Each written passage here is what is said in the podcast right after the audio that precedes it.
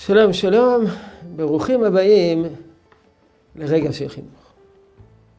גיל ההתבגרות, אחד מהתכסיסים החינוכיים זו סבלנות. אז מה זה סבלנות? לעמוד בצד ולצפות בכל הנפילות, בכל ההידרדרות עד הדיוטה התחתונה, ורק לבלוע את הרוק ולכסוס את הציפורניים, והלב נאכל ולא מגיבים. מה תפקידנו? כמובן, תפקידנו זה ללוות, תפקידנו זה לנסות להסביר. אבל אנא נחשוב שאפשר באופן מלאכותי לדחוק את השעה.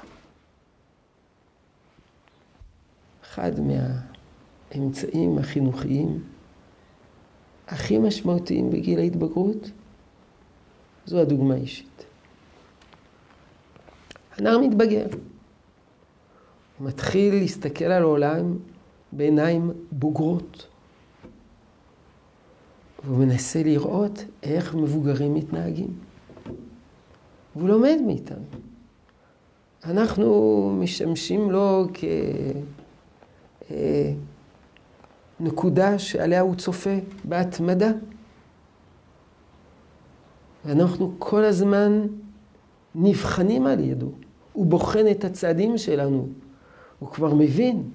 הוא מבין מה זה מערכת, אה, מערכת יחסים. הוא מסתכל על מערכת היחסים שלנו. הוא כבר מבין מה זה יושר, מסתכל על היושר שלנו. פעם אחת אמר לי ידיד, פסיכולוג, אמר, תשמע, כשהילד היה קטן, מספיק דיברת. כשהוא מגיע לגיל ההתבגרות, תתחיל לשתוק. אז מה, תתחיל לשתוק, אז נגמר תפקידנו החינוכי? לא, חס וחלילה, לא נגמר תפקידנו החינוכי. אנחנו ממשיכים לחנך, נמשיך להסביר, אבל לא נדרוש דרשות אינסופיות. הוא מבין. אלא נקפיד על דוגמה אישית נאותה.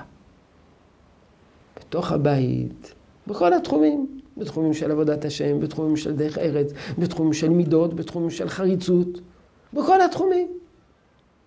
ואנחנו ממשיכים לחנך אותו. אנחנו מחנכים אותו בנוכחות שלנו.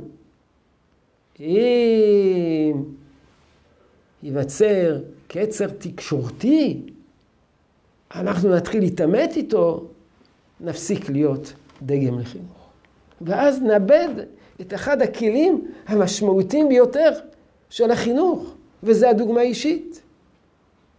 לכן, עלינו להקפיד לשמור על ערוצי תקשורת כדי להיות משמעותיים לנער ולנערה מתבגרים, ולהמשיך להיות דוגמה אישית עבורו.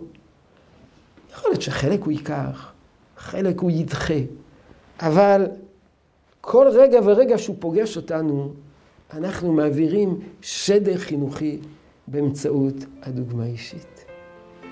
יהי רצון שתשרה ברכה בעבודתנו החינוכית. שלום שלום.